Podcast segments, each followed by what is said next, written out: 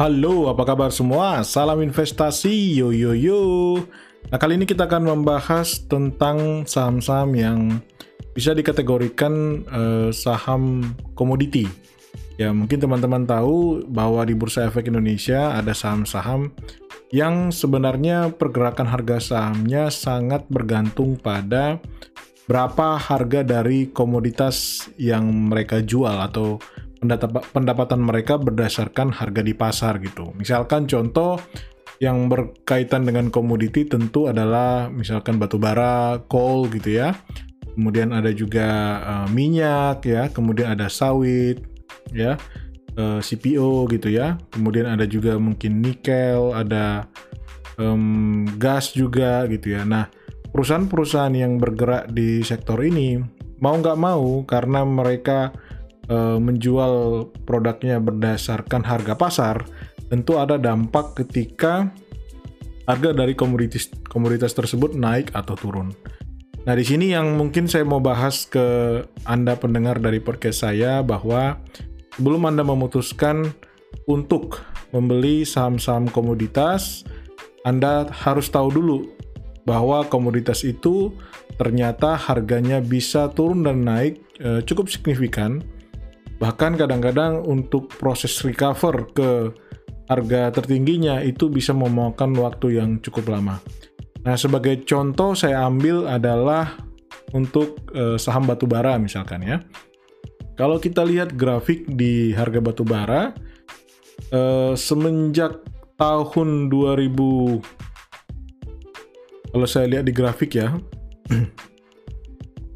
semenjak tahun 2011 itu batu bara bahkan sempat mencapai di harga kurang lebih di atas 135 dolar Amerika Serikat per tonnya.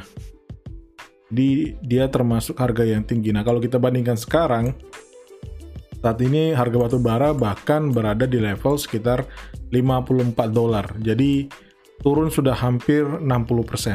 Dan ini uh, inline dengan hampir semua perusahaan batu bara ya perusahaan batu bara yang bergerak di batu di sektor batu bara atau pertambangan batu bara.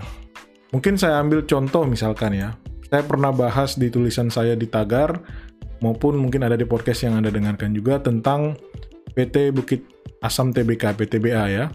Dari analisa tersebut saya amati bahwa sebenarnya PTBA ini secara kinerja relatif lebih baik dibandingkan perusahaan batu bara lainnya yang sesama TBK di Bursa Efek Indonesia baik dari sisi net profit margin maupun return on equity. Namun tidak bisa dipungkiri namanya juga harga komoditas itu turun, maka otomatis pendapatan dari PTBA juga ikut terpukul. Terutama selama masa pandemi ini ketika tempat uh, Cina maupun India mereka melakukan karantina atau melakukan uh, pembatasan dari sisi pergerakan manusia, maka otomatis ekonomi negara tersebut pun turun dan permintaan untuk uh, ekspor dari PTBA ke dua negara besar ini uh, turun sangat tajam gitu. Jadi otomatis bisa dibilang proyeksi tahun ini mau nggak mau ya hampir seluruh perusahaan batu bara akan mengalami yang namanya penurunan revenue. Nah memang kalau kita lihat dari sisi harga saham itu terdapat uh, hubungan yang cukup dekat antara harga saham perusahaan-perusahaan yang bergerak di sektor batu bara dengan harga komoditas batu bara. Tadi saya sempat saya bilang bahwa di tahun 2011 sempat harga batu bara bahkan mencapai 135 dolar per tonnya. Nah, sementara kalau kita lihat di uh, grafik harga dari PTBA, ya memang di tahun 2011 PTBA itu pernah mencapai posisi harga yang cukup tinggi ya yaitu sampai ke 4100 ya 4500 juga sampai pernah gitu ya.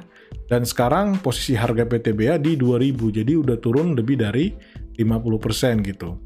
Nah sempat sih memang PTBA ini recover ya recover ke harga kurang lebih 4500 bahkan 4800 di 2018 dan sekarang drop lagi gitu. Dan memang itu kelihatan ada kalau kita lihat di grafik harga dari batu bara, memang harga batu bara di 2018 itu sempat di harga 116. Tapi belum recover setinggi dari 2011. Nah, kalau saya lihat memang otomatis ada semacam siklus lah bisa kita bilang walaupun tidak sepenuhnya siklus yang sempurna ya gitu bahwa ketika harga batu bara turun di 2016 di level uh, hampir bisa dikatakan 50 dolar itu hampir semua saham batu bara juga turun even untuk si uh, PTB sendiri itu pernah di 2016 turun sampai ke harga 861 ya 800-an di bawah 900. Jadi mengikuti juga ternyata dengan harga dari batu bara gitu. Jadi menurut saya strateginya kalau kita mau berinvestasi di saham-saham komoditas, maka kita perlu mempertimbangkan untuk mau nggak mau melihat juga pergerakan di harga komoditasnya. Saya ambil contoh yang lain, misalkan uh, untuk sawit, minyak sawit ya, itu misalkan Astra Agro Lestari gitu ya harga Astra Agro Lestari itu sempat bahkan ya harga sahamnya tertinggi itu pernah di sampai 30 ribu ya itu di tahun sekitar 2008 sebelum krisis ekonomi gitu ya. Dan akhirnya turun jatuh dalam sekali sampai ke harga 5 ribu rupiah. Kemudian naik lagi naik sampai ke harga 24 ribu turun lagi di 2013 kemudian naik lagi di 2014 ke level 28.000 dan setelah itu turun terus, turun terus ya sampai sekarang di harga 9.400. Dan kalau kita lihat harga sawit sebenarnya kalau menggunakan uh, Malaysia, ringgit atau ringgit Malaysia gitu ya, ya memang kondisinya juga kurang lebih sama gitu. Bahwa uh, dari ya kalau saya lihat tempat di 2008 ya harganya mencapai di bahkan hampir 4000 4000 ringgit Malaysia per tonnya. Setelah itu drop langsung ke 1600 ya di di sekitar akhir 2000, eh, 2008 jadi seperti sama tadi yang sama Agro Astra Agro Lestari Ali. Kemudian dia naik lagi sempat di 3.800 di 2011. Kalau kita lihat di Astra Agro Lestari juga sahamnya sempat naik di 2011 bahkan di puncak tertinggi kurang lebih di di 24 ribuan gitu ya. Jadi mengikuti juga gitu ya. Kemudian naik lagi di 2014 empat lagi naik di 2014 ya kemudian turun lagi nah sekarang posisi sekitar 2460 ya 2460 masih belum mencapai ke posisi yang sebelumnya. Tadi sempat saya bilang di 2008 sampai ke hampir 4000 gitu. Atau di 2011 di 3800 hanya sama mau nggak mau Astra Agro Lestari pun yang bergerak di bidang ini atau di sektor ini pun ikut mengalami penurunan dari sisi revenue dan itu terefleksi dari kemudian kelaba bersihnya dan kemudian pada akhirnya di harga sahamnya. Karena e, untuk Anda yang mungkin investasi di apalagi dengan pendekatan seperti saya melihat kinerja dari perusahaan, kita percaya bahwa dalam jangka panjang jika laba bersih perusahaan meningkat e, dengan jumlah saham beredar yang sama, seharusnya harga saham itu akan naik karena earning per share itu terus naik setiap tahunnya. Tentunya ada parameter-parameter lain yang kita lihat. Cuman poin yang mau saya sampaikan di sini yang pertama adalah bahwa ada risiko kalau Anda berinvestasi di saham-saham komoditi, otomatis eh, performan atau kinerja dari perusahaan itu sangat bergantung kepada harga dari komoditasnya.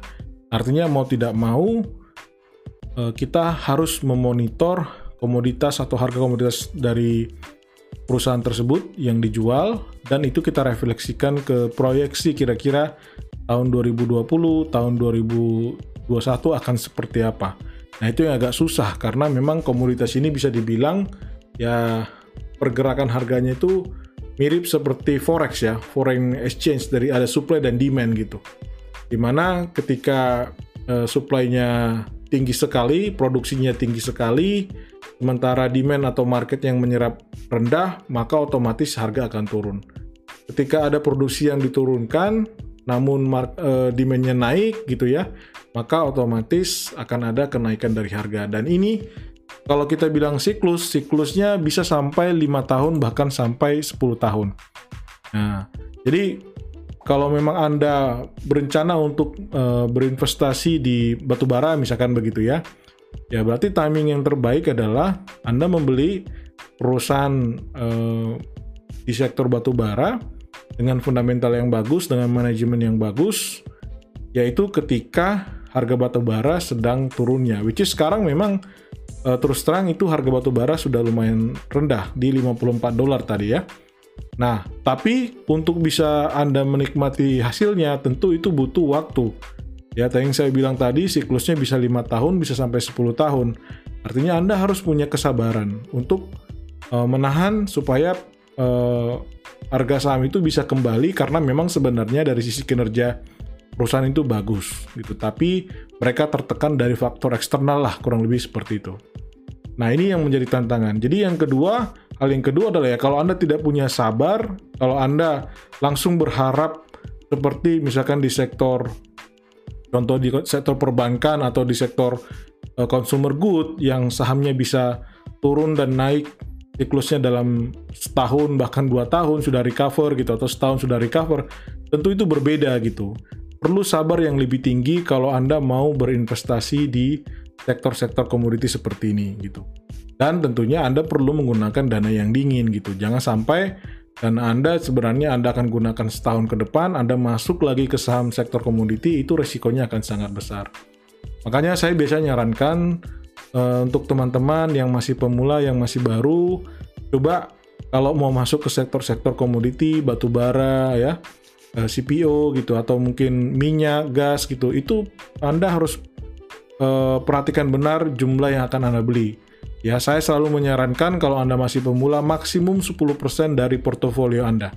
Jadi misalkan nih Anda punya dana misalkan 100 juta, ya maksimum Anda belikan di sektor itu uh, sampai 10%-nya, berarti sekitar 10 juta gitu. Kan sangat berbahaya kalau Anda beli sampai 80 juta, bahkan 100 juta Anda pukul semua ke sektor-sektor komoditi ya. Uh, tapi kalau misalkan memang Anda punya sabar yang yang tinggi, yang panjang gitu ya, Anda Anda siap untuk memegang saham itu sampai lima tahun untuk dia bisa recover, ya otomatis itu silahkan gitu ya. Tapi kalau misalkan Anda masih dalam proses belajar, tidak tenang untuk melihat portofolionya merah terus gitu ya, nah otomatis di situ saya sarankan uh, investasi itu harus fun, investasi itu harus menyenangkan, ya, gitu. Nah untuk mengurangi rasa tidak senangnya, kita batasi resikonya. Pertama, ya kalau memang anda tidak siap, jangan beli saham sektor komoditi. Yang kedua, kalau memang anda siap, mungkin portofolionya jangan terlalu banyak, maksimum 10% dari total portofolio yang anda miliki. Karena saham-saham yang di komoditi ini itu kalau dia turun, turunnya bisa sangat sangat dalam. Kadang-kadang bisa turun 20%, 50%, padahal IHSG mungkin cuma turunnya 30% gitu ya. Itu udah turunnya mungkin 60% bahkan 70% gitu. Seperti kejadian di tahun 2008 lalu bahkan ketika corona ini gitu ya. Di tahun 2020 ini itu saham-saham batu bara itu turunnya lebih tinggi atau lebih dalam e, dibandingkan dari IHSG sendiri atau indeks harga saham gabungan. Nah, itu yang mau saya sampaikan dalam podcast ini.